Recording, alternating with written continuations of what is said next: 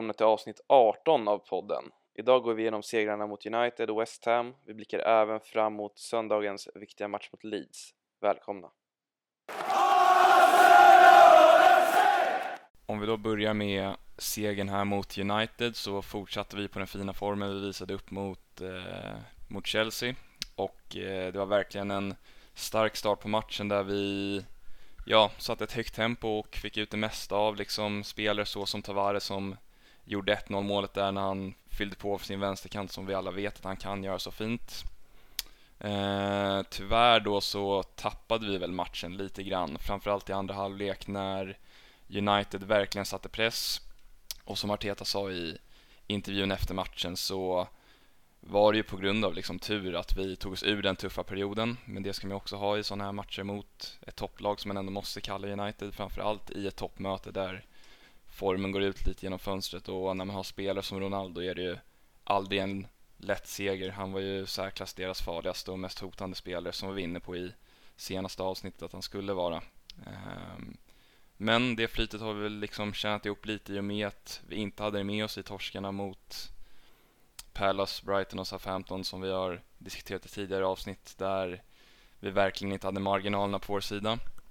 Och eh, ja, överlag så var det ju en väldigt fin insats och det är kul att se spelare som Eddie och El Neni och Tavares som jag var inne på där eh, göra fina insatser igen och att de kommer in och verkligen levererar när de får chansen. Eh, och en stor eloge verkligen till El Neni som ja, även mot eh, West Ham som vi kommer in på senare verkligen liksom ja, men tar för sig här och inte gör de alibi-insatserna var rädda för att han skulle göra om han fick chansen utan han verkligen tillsammans med Xhaka då har eh, dominerat mittfältstriderna. Ja, och som sagt, det var en stark start där, eh, där Tavares får göra just det som han är bra på. Han använder sin fysik och sin löpstyrka eh, och tar sig egentligen hela vägen fram till eh, Uniteds liksom eh, mållinje och bara petar in bollen. Det hade nog inte en Tierney gjort som kanske tänker lite mera pragmatiskt eh, ja, över hela matcherna men Tavares kör lite på lite naivt och tack för det gjorde vi 1-0. Eh, men som du är inne på där så tappar vi matchen ändå, du sa andra halvlek, jag tycker även jag var ju frustrerad när vi såg matchen här tillsammans att jag tycker vi gav bort initiativet eller om vi kanske inte orkade liksom styra matchen. Eh, vi hade ju spelat eh, på onsdagen samma vecka mot, eh, mot Chelsea så att spelarna var säkert lite trötta och Arteta var inne på det om det var inför eller efter matchen att vi hade bland annat White och Sag som hade lite smällar och liksom hela truppen var ju allmänt eh, de var inte på 100% liksom. Eh, så att United liksom skapade ju mer och eh, borde ju kanske till och med ha kvitterat i första halvlek. Vi tog ju ledningen med 2-0 innan de ja, gjorde 1-2 då, typ direkt efter, efter 2-0 målet. Ehm, men som sagt, det var en frustrerande match att se på. Ehm, man kände att vi gjorde det onödigt spännande, speciellt andra halvlek då United, eh, ja, de tryckte på, det kändes farligt, det kändes absolut eh, som att vi hade tappat matchen när eh, Bruno stod där vid straffpunkten och man tänker att han missar ju sällan straffar men som tur var så, så missade han och vi lyckades eh, få in ett, eh, ett mål som egentligen inte har någonting med av hur vi spelar eller eh, taktik eh, eller liknande utan eh, det var Xhaka som gjorde ett långskottsmål helt enkelt och det målet var nog otroligt viktigt för hela våran säsong för att vi stängde den här matchen och vi eh, sköt egentligen bort United från ligatiteln och som du var inne på så var det ju starka insatser där av Eddie och Xhaka och, och Elneni och tycker Eddie i den här matchen och även i West Ham-matchen som vi kommer komma in på sen eh, gör det väldigt bra och eh, gör verkligen det som han som han eh, kan göra och det som Lacazette inte kan göra. Alltså han är rörlig, snabb, pressar, tycker även han har ja, det är väl någonting han har utvecklat, men han har en förmåga att vända bort spelare i sin första touch eh, väldigt snabbt. Så att eh, han har ju verkligen kommit in och gjort det, gjort det jättebra här. Ja, absolut. Och han visar ju att han inte är, är rädd eller omogen, vilket har varit den största kritiken man har haft mot honom. um, i varken liksom Chelsea, United eller West Ham-matchen utan han tar verkligen för sig, han spelar utan respekt för motståndet och ja, som du säger, han gör exakt det man vill se från honom när han tas ut i en start eller vad det är att vara liksom hänsynslös och Eh, ja, men frenetisk i sitt löpande in bakom, han håller mittbacken upptagna och eh, hittar ju mål nu också. Han kunde ju lätt gjort två mål här, han missade ju ett friläge eh, där han i stort sett bara bombade över kung och fosterland rakt på de Gea. Men sen tog han in sig i ett liknande läge igen och, och gjorde ju mål. Ehm, eh, men även om vi då hyllade lite Tavares här så var det ju ändå han och Cedric som var de stora liksom, svagheterna som man verkligen kunde peka ut här till varför, ja, i alla fall i våra ögon och enligt många liksom, experter och fotbolltyckares ögon eh, som vi inte fick kontroll på matchen utan tappade den där till, ja men, sista fem i första halvlek och första kanske 25 i andra. Um, för Sancho hade ett enormt övertag på Cedric och eh, Elanga hade ett enormt övertag på Tavares. Så hela backlinjen blev liksom nervös kändes det som, för så fort de satte sig en mot en situationen på kanterna så var det i stort sett förbi eller ett farligt läge varje gång.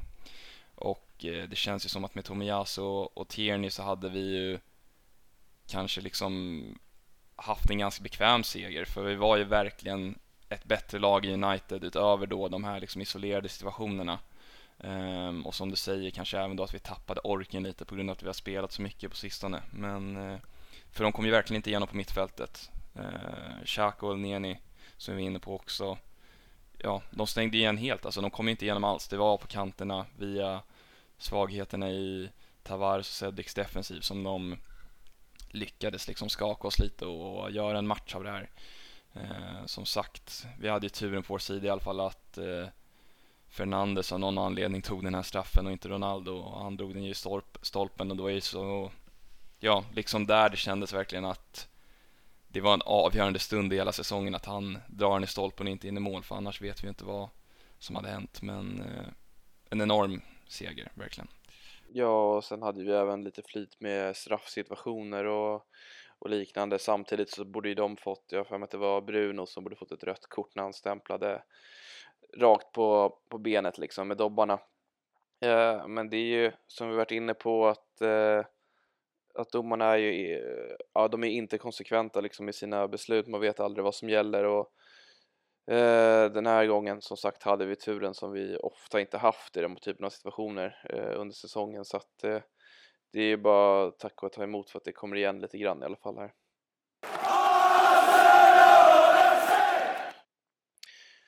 Och då kliver vi in på segern mot eh, West Ham här då. Eh, och det var ju väldigt fint, eh, utöver att vi vann, att vi säkrade Europaspel här i och med den här segern och eh, det minns nog både du och jag hur vi i en av de första poddavsnitten pratade om eh, de här tre inledande förlusterna på säsongen och hur vi ändå trodde att det här laget, när det väl spelar liksom med den fulltaliga elvan med, med de bästa spelarna, skulle förmodligen ha liksom förmågan att lösa Europaspel och lösa topp 6 och att det hade varit en fin säsong och nu är vi där och eh, så som läget ser ut just nu så kan vi absolut nå högre höjder än så. Eh, men det är ändå en eloge till, eh, till hela laget och till Arteta som har lyckats lösa det efter den tunga starten och efter hur ifrågasatta vi har varit. Eh, eh, att vi nu kommer vara tillbaka i Europa nästa säsong, det, det känns ju otroligt kul och det, det är ju där vi hör hemma eh, så att säga. Men om vi kliver in på matchen så var det ju två väldigt trötta lag. Det var två lag som inte tog tag riktigt i matchen utan det var långsamt spel, ganska mycket felpassningar. Till och med spelare som Xhaka slog bort en del bollar. Eh, men då var det ju fint att se att vi har utvecklat ett nytt vapen eh, samt ett nytt eh, sätt att försvara oss på i och med eh, fasta situationer i och med att vi har blivit eh, väldigt starka i båda liksom, de delarna av planen. Och det var ju, först var det Rob Holding som klev fram och gjorde sitt första Premier League-mål någonsin. Och efter det i andra halvlek var det ju Gabriel som klev fram återigen på, på fasta situationer. Eh, och han, eh, det vill säga Gabriel, ska nog tacka Nicolas Jover som vi har varit inne på, jag vet något tidigare avsnitt i alla fall. Eh, Jover som är vår nya fasta situationer coach Han tog över efter Georgsson eh, inför den här säsongen. Eh, och både Georgsson och Jover då, eller Jover, har ju ett rykte om att vara väldigt eh, väldigt duktiga på fasta situationer och, och hörner och allt som har med det att göra. Så att eh, såklart Jover ska ha en hel del cred men kanske också Georgsson då som eh, kanske la grunden till något innan han försvann. Eh, men för att belysa lite hur pass starka vi har blivit på fasta så kan man ju dra fram statistiken att vi har släppt in endast ett mål i samband med hörnor den här säsongen och det målet är ju, man kan faktiskt diskutera om det ens är i samband med en hörna. Statistiskt sett så räknas det som ett sådant mål men det kom ju i matchen mot SA-15 som vi torskade här innan den här äh, otroliga äh, segersviten mot äh, Chelsea United och West Ham då när ja, i matchen mot SA-15 som sagt när vi rensar bort en hörna som sen slås in igen utifrån boxen och eh, så blir det mål. Så det var inte i samband med liksom en direkt hörna utan det var i, eh, i efter liksom eh, sekvensen efter hörnan. Eh, men som sagt väldigt starka siffror att vi har släppt in ett mål i samband med hörnor den här säsongen och sen har vi gjort väldigt mycket mål på, på hörnor framåt då, då och inte minst eh, Gabriel då som sagt. Ja, och det var ju verkligen eh, mittbackarnas match här som du säger, det är ju båda mittbackarna som gör mål. Och väldigt kul för eh, Holding att få göra det här målet som du säger, hans första i Premier League. Och han har ju blivit lite av en liksom, eh, ja men kulthjälte likt hur Giroud blev det eh, under sin tid i Arsenal. Att han när han har kommit in den här säsongen framförallt nu på andra halvan så liksom exploderar Twitter direkt och säger ja nu är Rob Holding inne, det är low block vi kommer inte förlora den här matchen för han är liksom, vinner 10 av 10 nickdueller varje match och att han får göra sitt mål här är otroligt kul för han har varit lite i, inte frysboxen, men verkligen långt ifrån en startelva. Och eh, det var fint att se också att Arteta gav honom den credden han förtjänar, att han är ett sånt liksom extremt proffs som alltid ger allt på träningar, klagar aldrig och när han väl kommer in och ska hjälpa laget så gör han det på ett enormt sätt. Och ja, sådana små insatser eller stora, beroende på hur man ser som han har gjort, det är ju en anledning till att vi kan fixa topp 4. Det är verkligen alla i laget som har kommit in och fått chansen har ju bidragit och det behövs verkligen när vi har en så tunn och ung trupp som vi har.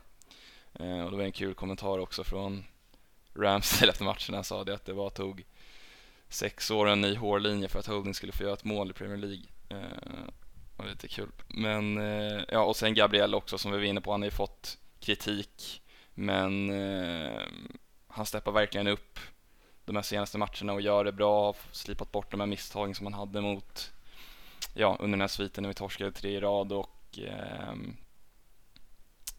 ja, visar ju att han har den kvaliteten som man hoppats och som du säger att vi har släppt in så lite mål på fasta och att Gabriel har gjort mest mål av alla mittbackar i eh, Premier League. Är ju ett tecken på hur bra vi faktiskt är i luften och det var ju något vi var lite rädda för kanske när vi värvade just Ben White. Eh, för många såg ju hans stora svaghet som hans luftspel men ja, om man kollar på siffrorna så har det verkligen inte varit så. Ehm, och det är en enorm styrka verkligen. Och sen då Eddie i en eh, fantastisk match, kanske den matchen av honom jag gillar mest trots att han inte gjorde mål då för han visar ju upp lite annat av sitt spel här, lite mer link-up, lite mer att han fick bollen eh, längre ner i planen och drev förbi en, två spelare och hittade avslut och ja, det var ju något, någon kontring när han kom mot Rice som man ser som en av ligans bästa defensiva mittfältare och han leker bort honom helt och är någon millimeter från att skruva in den i bortre stolpen. Så han fortsatte verkligen sin fina form och eh, ja, Lacazette om någon nu.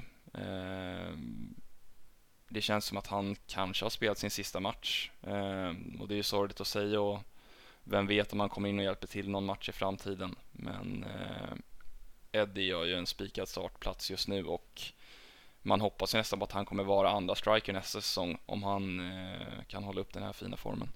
Jo, som du säger, Lacazette lär säkert komma in någon match och bidra. Skulle säkert kunna komma in mot Tottenham och göra något viktigt.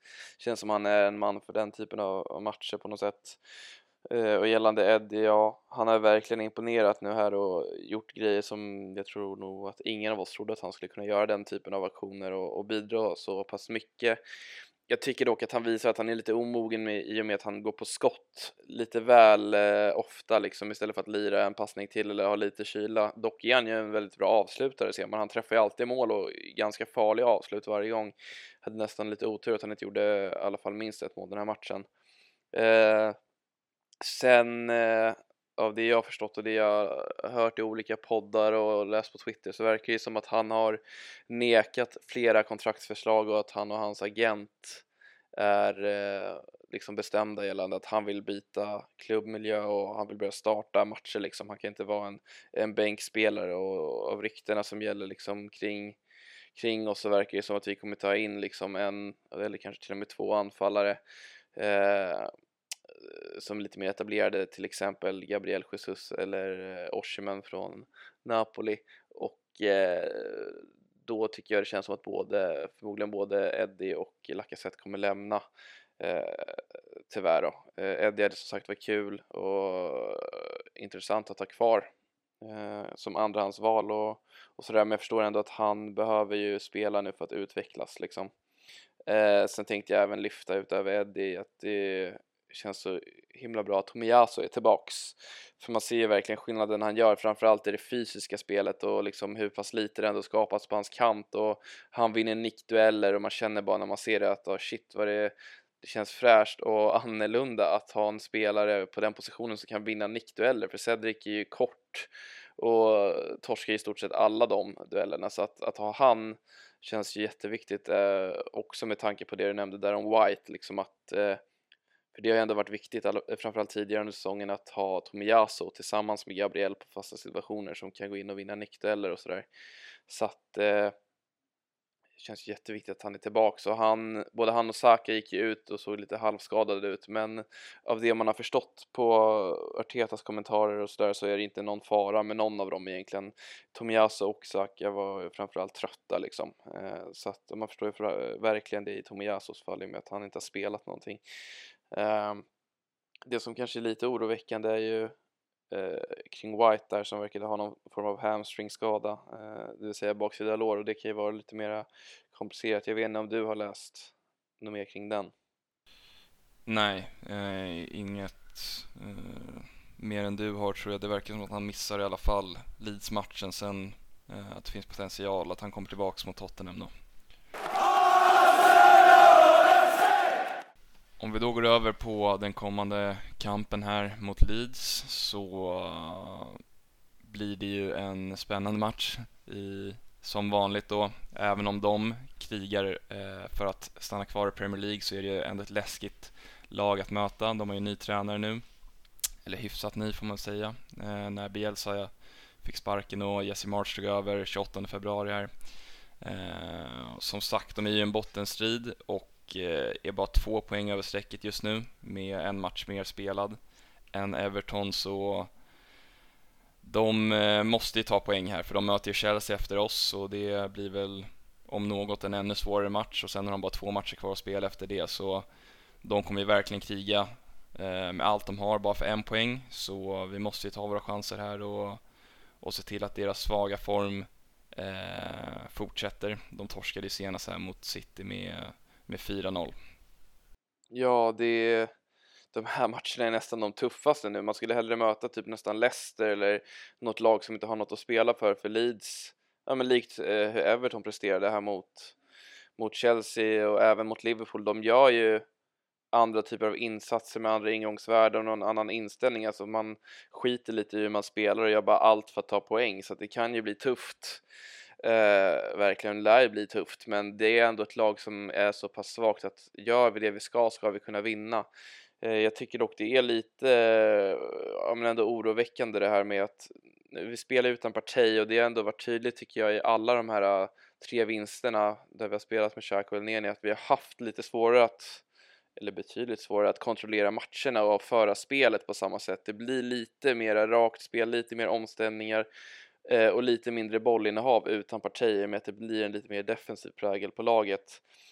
Och den här typen av matcher på hemmaplan när vi ska ja, vinna mot ett Leeds som lär stå lite lägre nu ändå, de lär ha respekt och, och sådär för oss. Så, för det är ju inte samma liksom Bielsa naiva lag nu. Eh, så att det, att vi ska lyck, eller luckra upp deras, eh, eh, deras lag här eh, kan bli svårt. Det känns nästan som att får vi inte tidigt mål kan det här bli en väldigt liksom ångestfylld match att kolla på.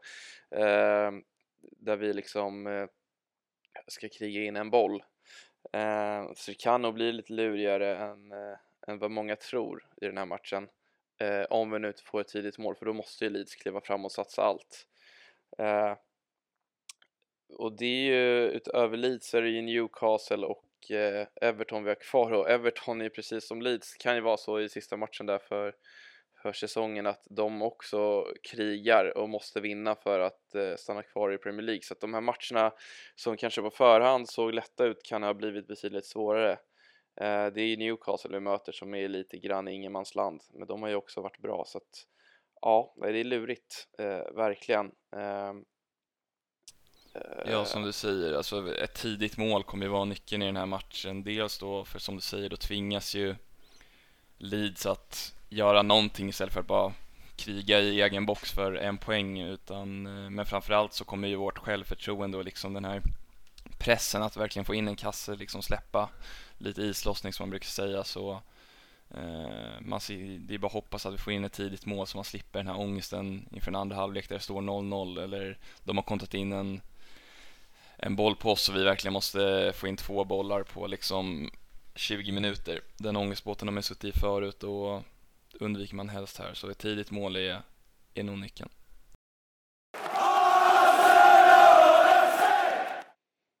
Vi tänkte avsluta lite kring eh, ja, men racet om topp 4 då. Som vi var inne på så, så har vi ett väldigt bra och gynnsamt läge här inför de sista matcherna. Eh, och man har ju sett på Twitter, jag har kollat lite Youtube-videor, man kollar på lite statistik för att få liksom en bild av hur gynnsamt läget är och vad det innebär nu här med de fyra sista omgångarna.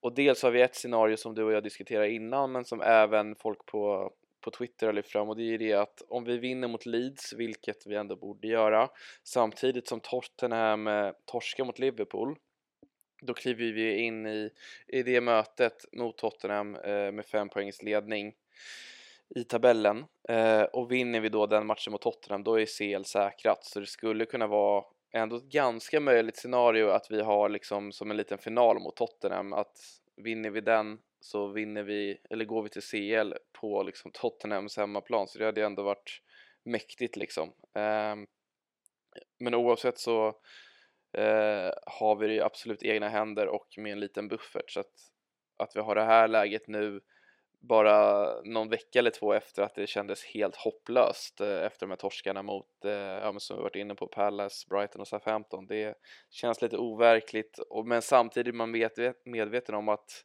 det kan ju vända så himla snabbt. Det är ju liksom inte, det är inte omöjligt att vi tappar poäng mot Leeds eller kanske till och med torskar på något konstigt sätt för det är den typen av insatser har vi gjort väldigt många gånger tyvärr och att Tottenham på något sätt lyckas eh, ta någon konstig poäng mot, eh, mot Liverpool. De vann ju ändå mot City här för inte allt för länge sedan.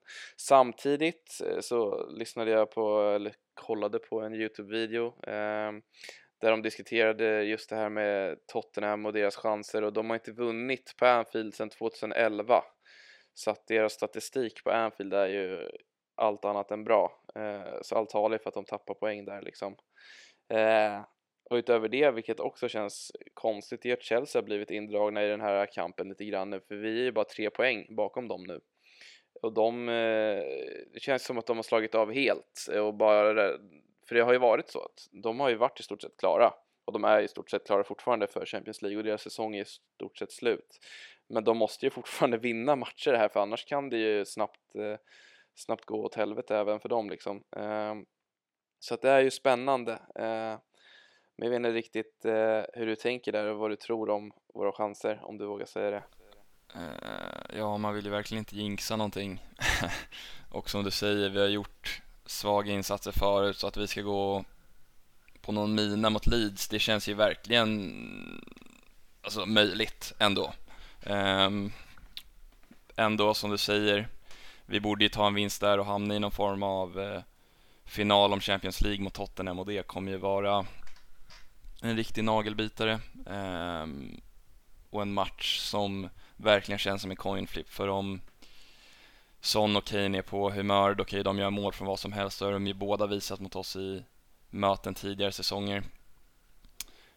Och eh, som du säger, de skulle ju kunna ta poäng mot Liverpool. Sen ska man komma ihåg att precis som vi sa om eh, Leeds och, och, Everton, att de slåss om att få stanna kvar i Premier League, så slåss ju Liverpool här om att vinna Premier League. Så de kommer ju verkligen inte liksom spela upp någon halvdan elva eller inte köra liksom full tramp på gasen utan de kommer göra allting för att vinna mot Tottenham. Och det känns ju som att om de inte gör det just nu med tanke på att i alla fall jag håller Liverpool som det bästa laget i världen eh, på form så skulle jag bli förvånad om Tottenham fick något från den här matchen. Och eh, det känns ju verkligen som att vi har det i egna händer för vi skulle till och med kunna gå till North London derbyt. Och jag tror det var Niva som sa det i, i studion efter eh, West Ham-matchen att Arsenal kan mycket väl gå dit och bara kämpa för ett kryss, för en poäng kommer räcka för Champions League. Eh, men som sagt, det hade ju varit väldigt, väldigt fint för liksom alla supportrar och hela fotbollsvärlden att se när, när vi vinner mot Tottenham eh, på deras eh, hemmaplan och, och, och snor liksom Champions League framför ögonen på dem. Det hade ju varit magiskt. Och eh, man sitter ju också och tänker på den här dokumentären som spelas in, All or Nothing, Amazon-dokumentären om Arsenal den här säsongen och det avsnittet hade ju varit fenomenalt liksom. Så vi hoppas på att det scenariot inträffar och att vi då vinner mot Tottenham. Ehm, och som sagt, du säger där, eller vi snackade om det innan matchen, att Chelsea har ju blivit lite indragna i den här kampen om fjärdeplatsen, eh, eller tredjeplatsen ska man väl säga, för fjärdeplatsen har de ju i stort sett, eller topp fyra har de ju i stort sett redan säkrat. Men att sluta framför dem och sluta trea hade ju varit en sån enorm prestation av hela laget, men framförallt Arteta att, att lyfta en sån här ung och oerfaren trupp till ett resultat bara som Champions League och att ta oss i den positionen vi är just nu. Eh, liksom, jag tycker fortfarande inte han får tillräckligt mycket beröm för det han gjort hittills den här säsongen. Eh, oavsett vart vi slutar, men fixar han Champions League och skulle han fixa till och med en tredje plats ja, då är det inget snack om i mina ögon att han är den fjärde, minst, kanske även tredje eh, bästa tränaren i den här ligan och en av de bästa i världen i mina ögon. Ja, vi har ett otroligt spännande projekt på gång för om man jämför med Chelsea så är deras deras trupp och deras eh, liksom väg framåt känns ju lite konstig. Alltså de har ju Tuchel eller Tuchel hur man nu vill uttala det som jag och du tycker är väldigt duktig. Han är väldigt spännande tränare och känns kompetent på alla sätt liksom. Ska vara i en toppklubb. Men Chelseas trupp de, vad ska de uppnå liksom? Det, ja, de ska vinna ligan, det har de gjort massa gånger liksom, liksom ganska nyligen också i historien. Eh, gammal trupp, de vann Champions League, det känns som att de nådde liksom sitt tak lite grann väldigt snabbt under Tuchel och hade liksom inte så mycket mer att göra än att gå neråt, vilket de också har gjort. Ser man till deras säsong så är de ju ja, långt bakom City och Liverpool när de inför säsongen nämndes som en titelkandidat. Och om de nu skulle sluta fyra är det liksom en, ja, inte en fiaskosäsong, men det är ingen bra säsong om vi lyckas eh, komma före dem. Liksom. Det, det hade varit helt sjukt om man hade sett, om det nu blir så, en sån tabell eh, inför säsongen hade man ju trott att det var något, något skämt liksom. Eh, men eh, om vi spolar tillbaka lite där till Tottenham och poolmatchen så, så var en farhåga jag hade att eh, Liverpool skulle åka på några skador eller var helt slut nu efter Villarreal-matchen som var här igår. Men de gick vidare, de får vila nu eh, fram till lördag, matchen är sent på lördag kväll. Eh, och som du säger, de har ju allt att spela för eh, i ligan och de är ju, alltså både City och Liverpool, de är ju betydligt bättre lag än, eh, än alla andra i den här ligan så att och det är också på hemmaplan där de är otroligt starka så att eh, hade det inte varit att man själv var inblandad och liksom eh, väldigt eh, pessimistisk generellt kring Arsenal och allt som påverkar så hade man ju Alltså man hade ju sagt typ 100% chans att Liverpool vinner den här matchen. Men nu känns det som att det kommer hända någonting. Man ser ju bara framför sig att eh, Tottenham ska ta göra något mål tidigt och så får Kane någon straff och så blir det någon konstig jävla eh, skitmatch liksom.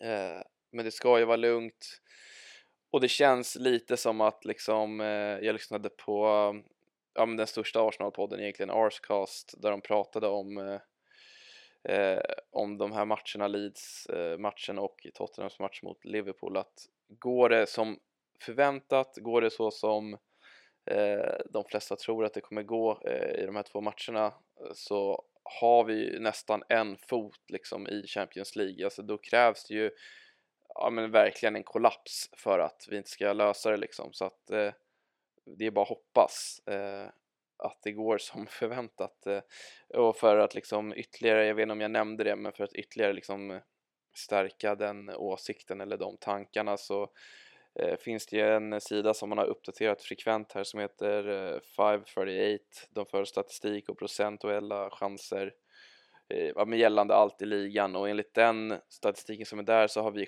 70% chans att nå Champions League som det ser ut just nu medan Tottenham har 30% chans. Så att det är liksom, det är verkligen ett drömläge som man aldrig trodde att vi skulle befinna oss i. Ehm, men också sant och det är verkligen liksom, eh, inte vad säger man, bevisats eller men man har fått, eh, fått se att det stämmer de här uttalanden som men framförallt kanske Åslund är känd för i alla olika studier och sammanhang liksom att eh, eh Martin Åslund då, experten på Viasat, eh, han brukar alltid säga att spelschema, statistik i framförallt den här fasen av säsongen spelar inte så stor roll och det har vi fått se liksom att eh, ja, matcherna mot Palace, eh, återigen eh, mot Brighton och S15, de torskar vi som på förhand såg givna och lätta ut och sen så går vi och vinner mot, mot Chelsea och, och eh, United och West Ham som såg ut som matcher där vi skulle absolut tappa poäng och torska i.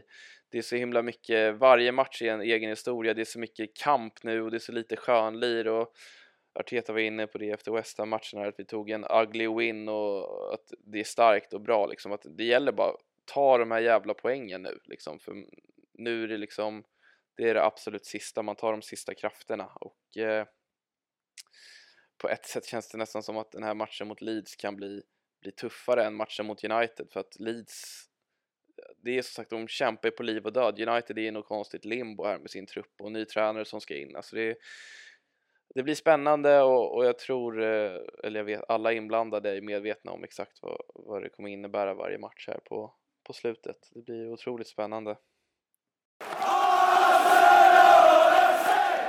Och där tackar vi för idag. Som vanligt eh, ett enormt tack till alla er som har eh, lyssnat och eh, som vanligt får ni gärna gå in och följa oss lite överallt. Twitter, Apple Podcast, Spotify. Dela, kommentera, recensera och allt vad det innebär.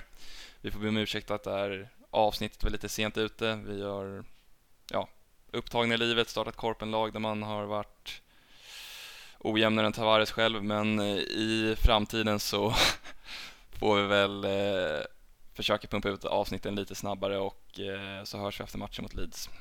Det gör vi, tack för idag.